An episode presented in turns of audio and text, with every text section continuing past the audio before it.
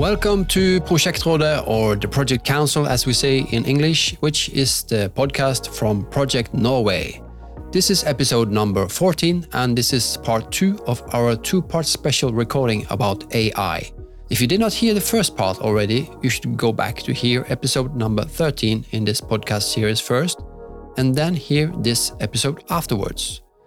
In the Project Council, you have the opportunity to send in your questions, topics, and dilemmas about projects and project leadership, and we can discuss them here with our guests. We are here to help you and give you more knowledge and inspiration about everything in projects. My name is Alexander Strand, and I will host the discussions in the Project Council. Together with me in all episode, I have Council member Bjørn Andersen, who is professor from NTNU and center leader for Project Norway. In this special episode about AI or artificial intelligence, which by the way is in English, you can hear our two council guests, Janne Aas Jacobsen, founder and CEO in Consigli, and Ellen Tadeon, associate professor with Oslo Met.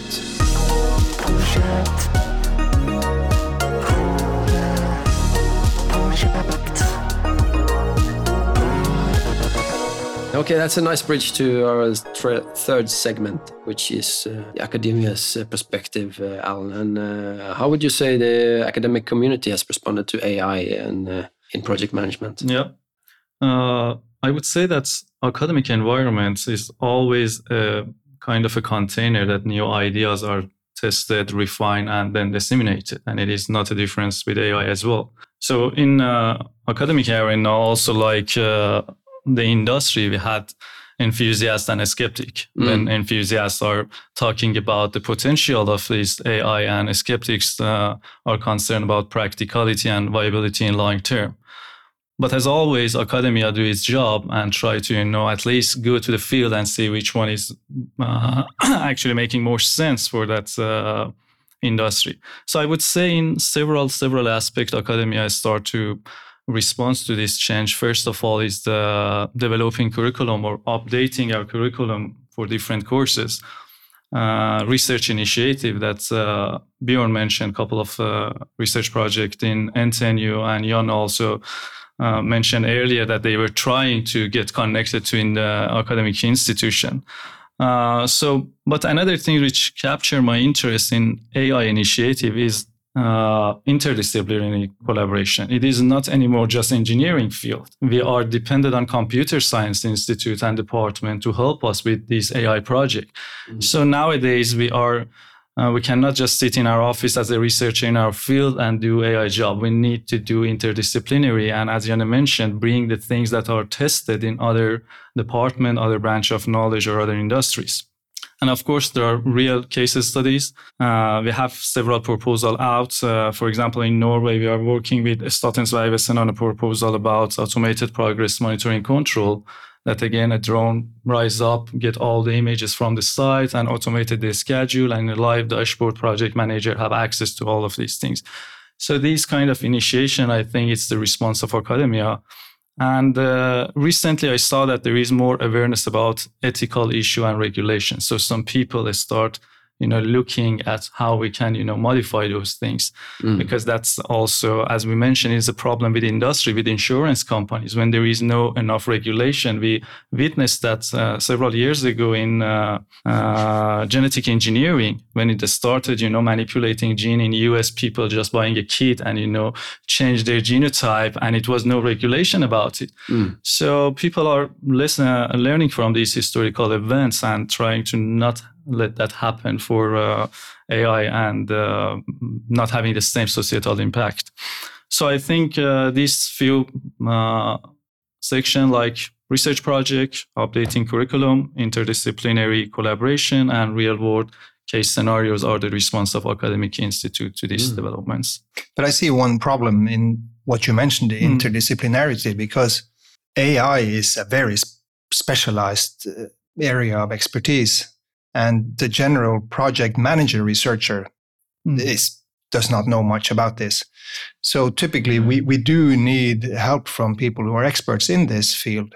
Mm. But they are often tempted by areas that have more impact or more data, like healthcare or financial technologies or other areas. Mm. So we have been struggling to tempt the NTNU AI experts into project management Oh, yeah. because it's a smaller area of application, I think. They choose another industry. Yeah, they choose other industries Yeah. where there's more funding or more exciting opportunities uh, and- Exactly. and, so on. And for us who are project manager researchers, it takes quite a while to, to Mhm. become proficient enough in AI to make Mm. a, an impact. So we do need that collaboration. And, Yeah. and uh, there I would call on the Research Council and other funding bodies to allow this. Uh, Mhm. Janne mentioned before we started recording that they have had the, the declined proposals and we have seen the same thing.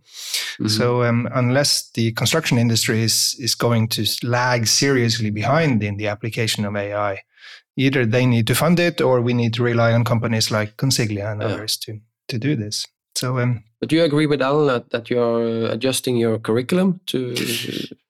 To some ex- to some extent, Yeah. yes. But uh, um, I, I also I mentioned Sophia Bang. She her PhD and and she did a mapping of all the literature out there and the research that's been going on. And and there are some pieces, Mm. but there is not that much of a body of theory yet where people have applied AI to the project field. Yeah. But I think it's it's coming. And and we said ChatGPT probably a turning point, so it will explode probably.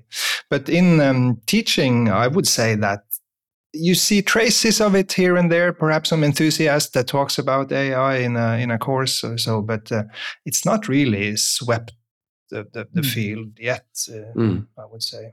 I would say, mm, generally, in my idea, mm, kind of evolution is the key to being relevant. Relevant. Yeah. Uh, so, as AI influenced the curriculum and what we're learning in the school had to evolve. We cannot keep it like this. And as Bjorn mentioned, uh, it's a trace of it, but we see like uh, things that it was kind of not very much uh, in point of interest for students, like a statistic. Now suddenly comes up. I see every students now try. Okay, a statistic I might need it. Computer science, they are more interested on learning at least one programming language, like coding things. So these are the things that I, I believe we can incorporate in, in our curriculum slowly, slowly. Like two years ago, it was no chat GPT. Now every student using chat GPT. So for example, for me, for my class, I had to develop a manual, a guide, how to use chat GPT ethically. Mhm. So we are kind of, you know, employing these things in our curriculum very slowly, Mm-hmm. slowly. But I think we need to speed it up a little bit. A project manager, as Bjorn said, our project manager are usually familiar with traditional project management concept Mm. now they need to be as comfortable as they are with those concepts they need to be comfortable with algorithm with Mm. different type of algorithm or at least how look at the problem with a computer science or algorithm uh, lenses Mm. so they know that this problem could be i don't know automated or uh, uh, solved in a more efficient way Mhm. so this is the path we need to go is it is a still a slow but we need to speed it up in my perspective Mhm. I heard many people talk about AI and especially Chat GPT as an assistant to your job. You you have an assistant, and uh, another podcast I heard talked about uh, ChatGPT uh, and AI as um, as a, a professor having eight to ten PhD students Mhm. helping. You can have your ChatGPT as your PhD students helping you in your subject. Uh, I kind of agree, and a little bit. You need to be cons- concerned when you're approaching to that road because again, you will receive some information that might not be accurate from these generative AI tools. But I totally agree that you know I, I call it augmented human. Mm-hmm. We have this concept of augmented human for a long time. For example, you're using uh, glasses. So you're having some additive ability to your human ability. So we Mm. are familiar with this and we need to understand that it is not just physical objects. Soon we will have computational ability added to our ability. So maybe in future, a uh, person who is working as a project manager always, you know, equipped with these computational power, real-time information, and he could make real-time decision based on the big amount of data that that project manager receiving. So I assume the future of this should be somehow a project manager with assistance from AI, at least in close future. Yeah, yeah. You mentioned uh, there might be uh, a need for cooperation with uh, industry players like Consigli. Hmm. Um, but are there um, enough companies like that, or do we need more entrepreneurs and more startups uh, in this area? I think we need definitely yeah. because uh, we talked about curriculum, and I believe updating curriculum is not enough. We need to have workshop, we need to have project, we need to have seminar, we need to have some institute or companies that we send our student there to mm. see what is the pr- problem, how these practitioners are approaching to those, those problems. And we don't have much of that nowadays. Mm. Uh, maybe in Norway, a couple of companies, as Janne mentioned, and we need more of that. As as you look at like uh, United States, there are so many private companies that they are working in these issues, and because of uh, financial pipeline, they are willing that university help them. They're sending students, mm. but here we don't have that much of initiative in the industry. It is still so many projects with traditional engineering, like going and uh, designing a concrete module, but no, nobody say, okay, have you tried how you can digitalize this process? Is it any company that I can my students, I can send my students there to see that in a real life that it is possibility. So I definitely think we need more initiation in the industry. We need a better connection between industry and these uh, branch of knowledge that falling behind. Like mm. healthcare doesn't need any help. It's just running by itself. Finance is running by itself. But construction industry, we're talking about planet Earth. We're mm. talking about 17 goal of sustainability. So we need a little bit of more help from industry and from the public to raise awareness about AI so mm. we can work more in this field. Maybe you should work even more with the public sector and uh, the municipalities. Uh, Oh yeah, to to develop and research. Uh, totally agree. Yeah, and this is such an applied field that you cannot have professors, academics working in an office on their own. You need mm. to be out in the in the field. Yeah. Exactly. We have um, a great number of uh, applicants from the students. Mm. Uh, we also use a lot of students. They work part time with us throughout the year, but then the whole summer, the all the vacations, they're in the mm. office in in Oslo. So we have a really we have a closer collaboration with students, I think, than mm-hmm. uh, the, the, institutes themselves. Because uh, students come to us, they work with us, and they go back and they get their friends to come in to our company as well. So I think this summer we, uh, even though it's a small company, we had five interns, mm. and they are working throughout the whole whole year. A few of those interns we have already signed as um, full time mm. jobs when they're done one has already started because he, he was already uh, done now. So for us, it's just a really good way of, of uh, recruiting and also just send back the knowledge that we have back to the students. I think that's the way to go forward. You need, we need to get more advice from industry, even in developing our course. What do you need as a practitioner in industry? What kind of competence you need for future? So we can, you know, prepare those competence. We can train those competence.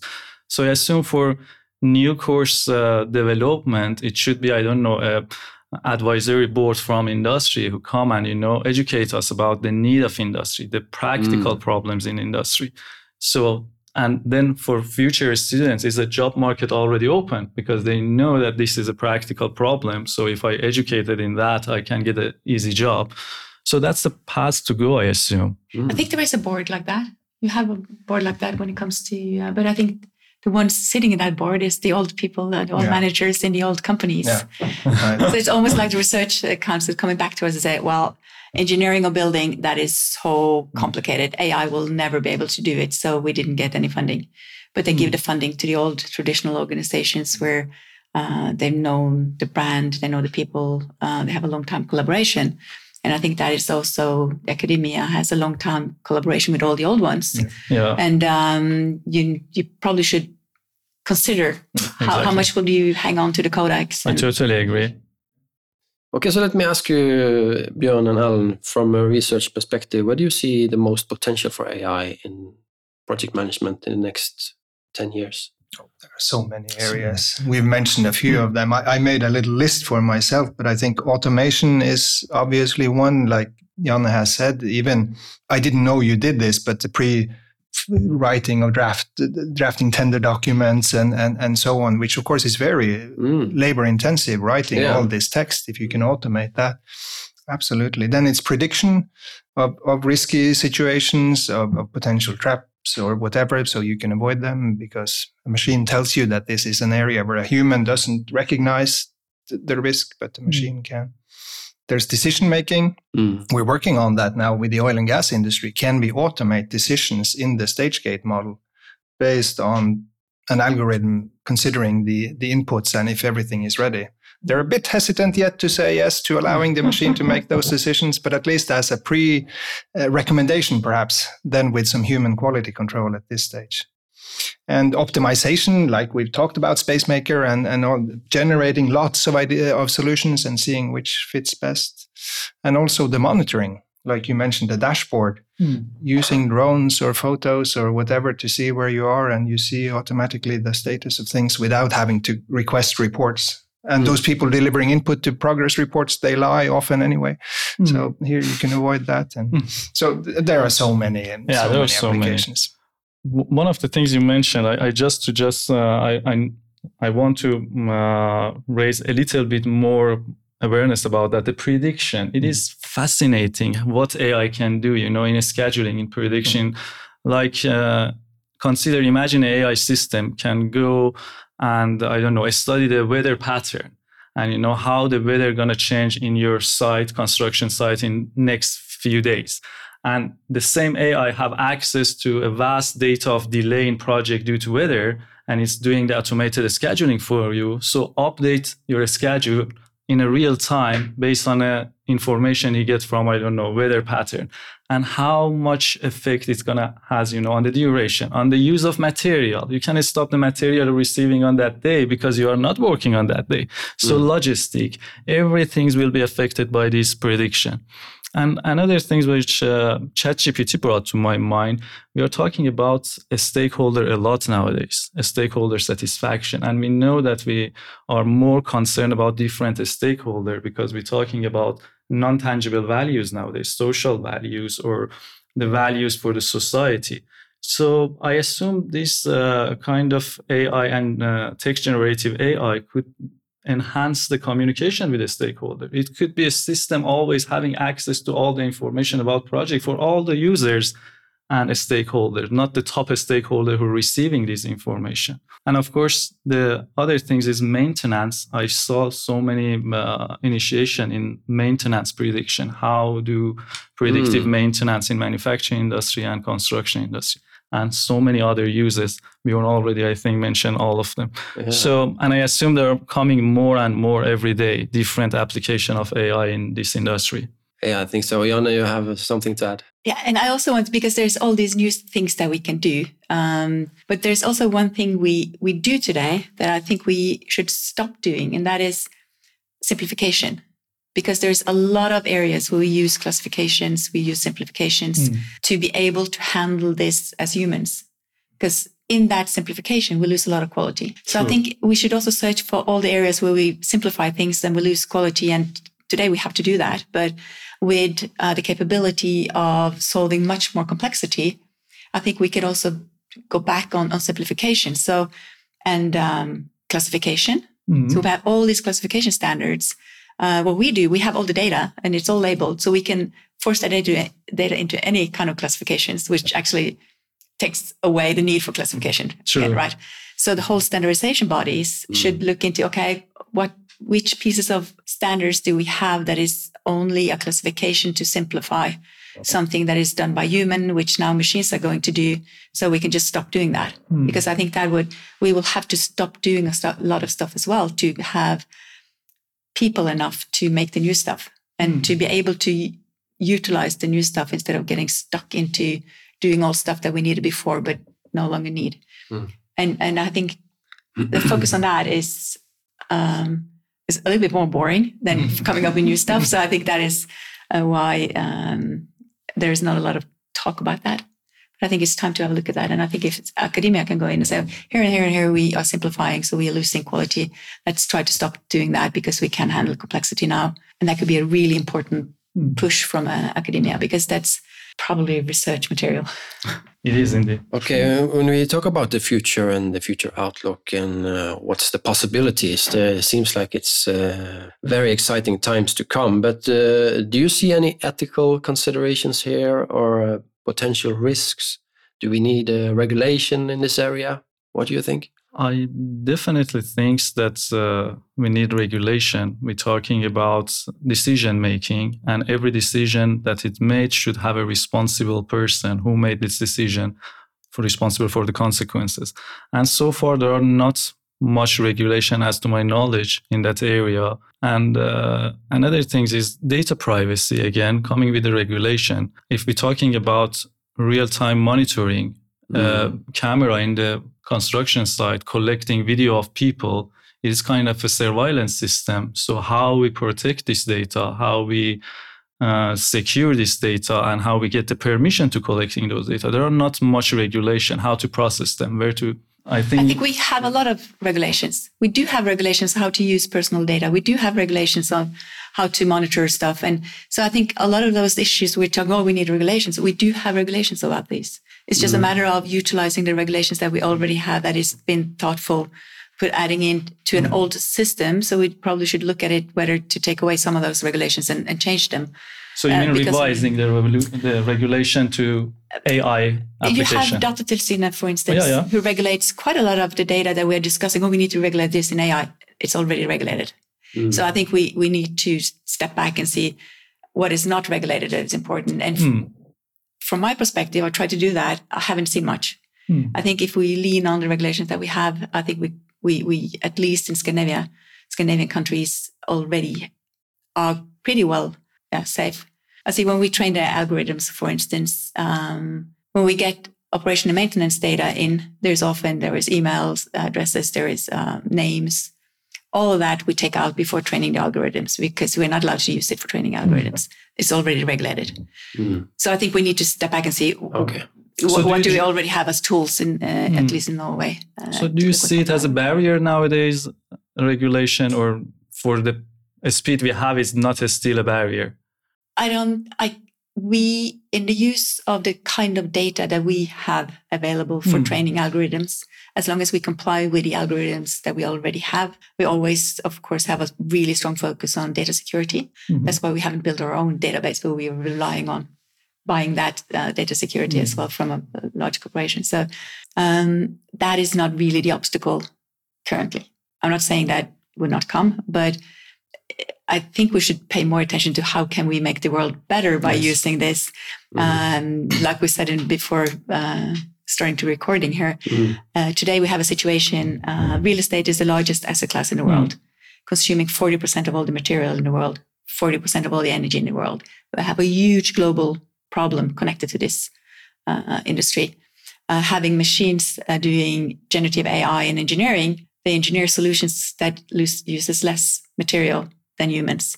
Mm-hmm. Maybe we should regulate whether humans are allowed to do that engineering because that is actually what's killing the planet, right? Hmm. So I think we need to to get a little bit more um, accurate in that discussion with regulations and not just oh let's regulate. That was a very good takeout point. But um, another issue also on uh, concern for future i think uh, mm-hmm. that's also could be a little bit related to regulation but it's a bias algorithm bias and which kind of data we use to um, uh, train our machine i remember the first uh, story came out was amazon that you know hiring people and then figure it out that the algorithm is more bended toward hiring male. And it is the same for construction industry. If we give the traditional data to a machine to hire mm. a construction worker as we know traditionally by nature it was a male job.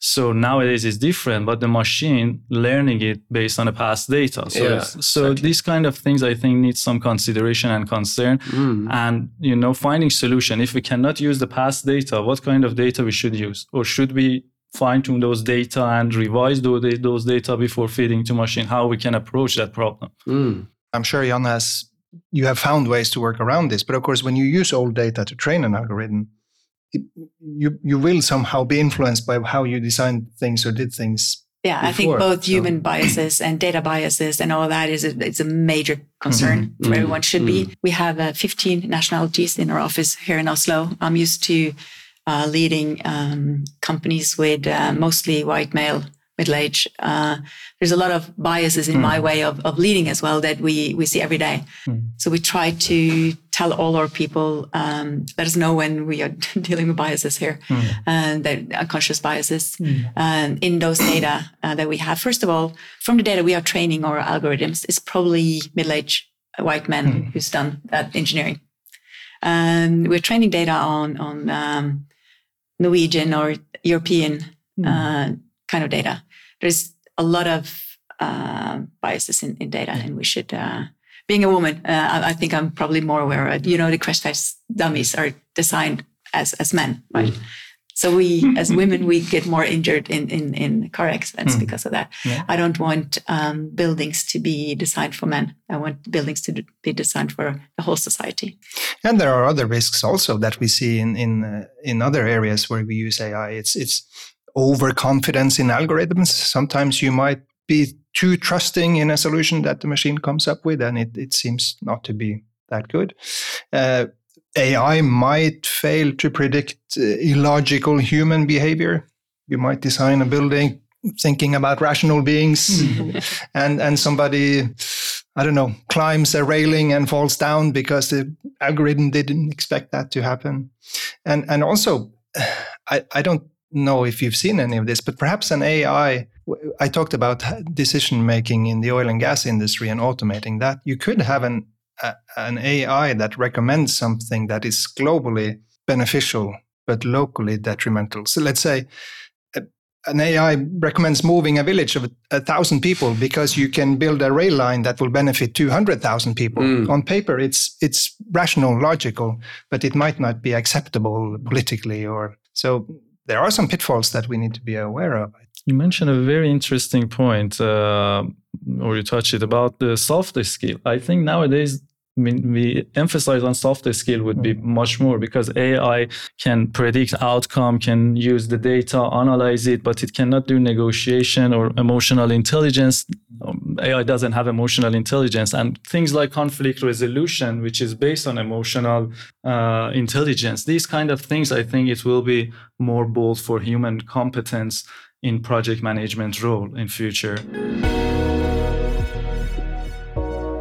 Okay, so uh, if we try to wrap up here and do some conclusions, um, what do you think companies and educational institutions should do to better prepare for the AI revolution that is coming or is already here? I think we had a brief discussion about that, and uh, I think collaboration, like always, mm -hmm. is key. I think moving um, together because there's we have innovation and we have R&D internally, but that R&D that is too heavy lifting uh, for one company and shouldn't be lifted by, from a company. It should be lifted on a national level. Mm. That's where we should really make sure that the funding on this field goes into research uh, institutes, into mm. academia, and that the students coming out are prepared for that and can bring that into the industry as well. Yeah. So I think, uh, as always, collaboration, mm, um, yeah. talk together as humans, not just mm, rely on AI for that, uh, is key. Yeah, and I think in academia we, we already started to stop, you know, moving from siloed work to interdisciplinary, you know, uh, initiation. So collaboration, interdisciplinary collaboration, I think it is uh, essential.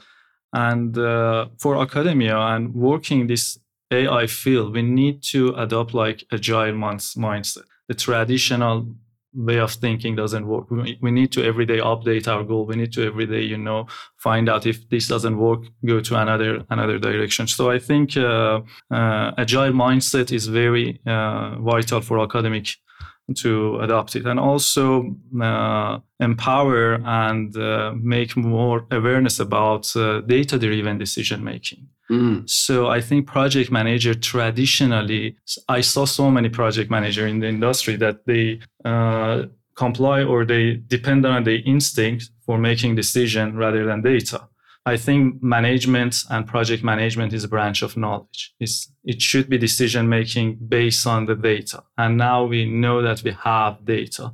So I think we need to also advocate for decision making based on a big data as well. Mm.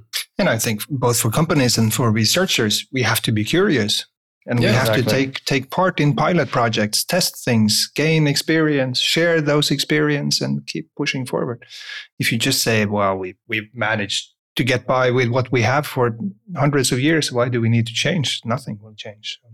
Maybe both Yeah, curious and also courageous, maybe Yeah, to yeah. try new things. Yeah. Uh, and, and we and we know we we in all areas we work with companies to do pilot projects to push the boundaries, and we know that those people who take part in those, Mm. it's much more fun to go to work and try something new than than Yeah. just doing what you've done for 25 years and you know very well. Exactly. A lot of people just want to continue doing what They- they've they done. do. Yeah, yeah, yeah. I have to admit. But but to develop yourself, to develop knowledge and the world and have fun, you should be experimental. But I think we touch on an area that we have not talked very much about, like the the fear that Mm. people have of uh, Mm. AI. What is the fear that people have, and how will this affect the future role of human workers? I think maybe people are thinking about that. I think Yeah, the biggest fear is job replacement. Yeah, yeah. We Yeah. say that we can automate and we can do all kinds of stuff. So many will fear that there might be not be a need for the HVAC engineer or whoever. And uh, yeah, I also think there's another fear that colla- uh, it's has to do with power. Like if you see the management, the senior project managers today Mm. in our industry uh, have not gotten in position because they were really good at AI or data-driven decisions. There's gut feeling and firefighting more. Uh, and of course, this is a big threat for them and their- their position and their power Mm. in the organization, their power in the project, which is like the nature of this is, is if you have a large uh, development project, it's it's almost like an enterprise in itself.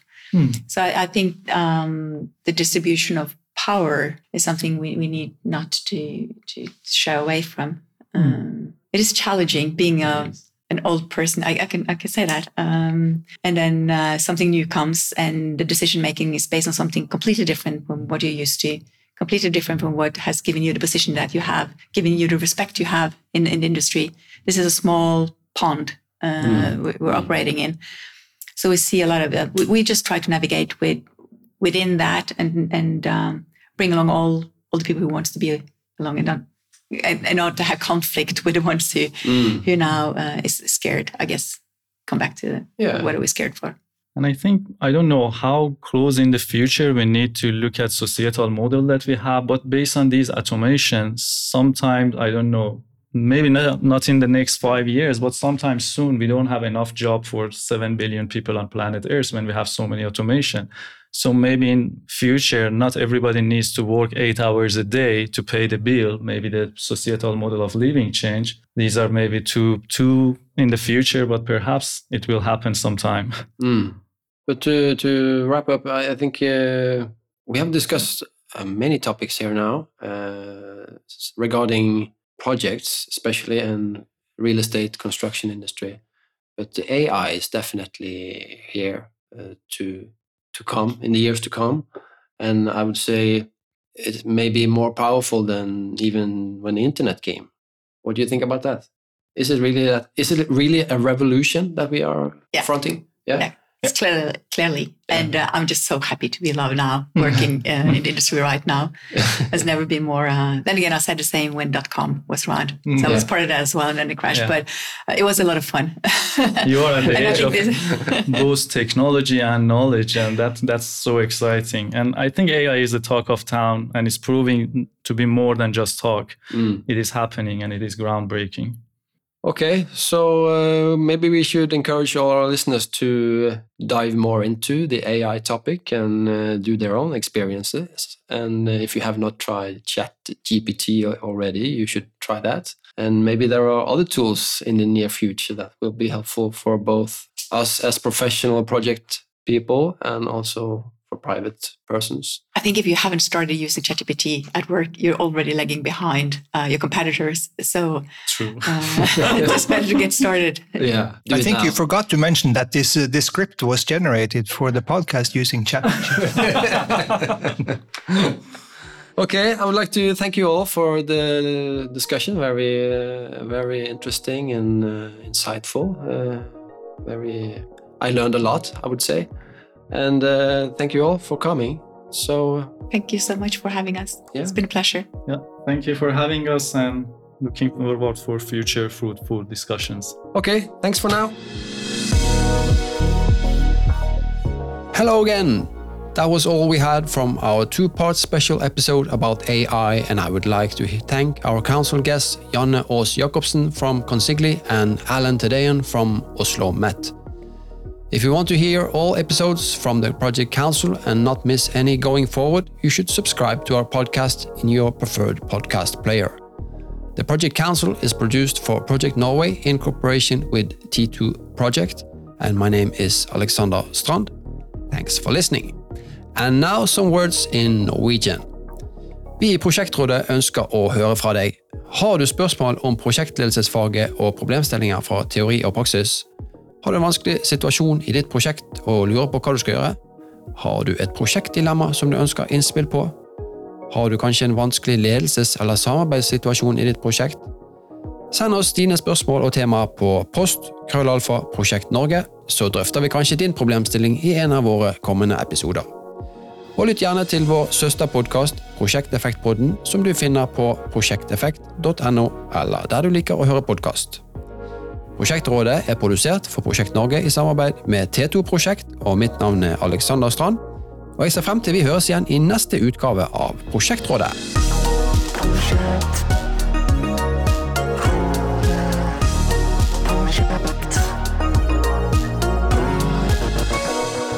I think you forgot to mention that this uh, this script was generated for the podcast using ChatGPT.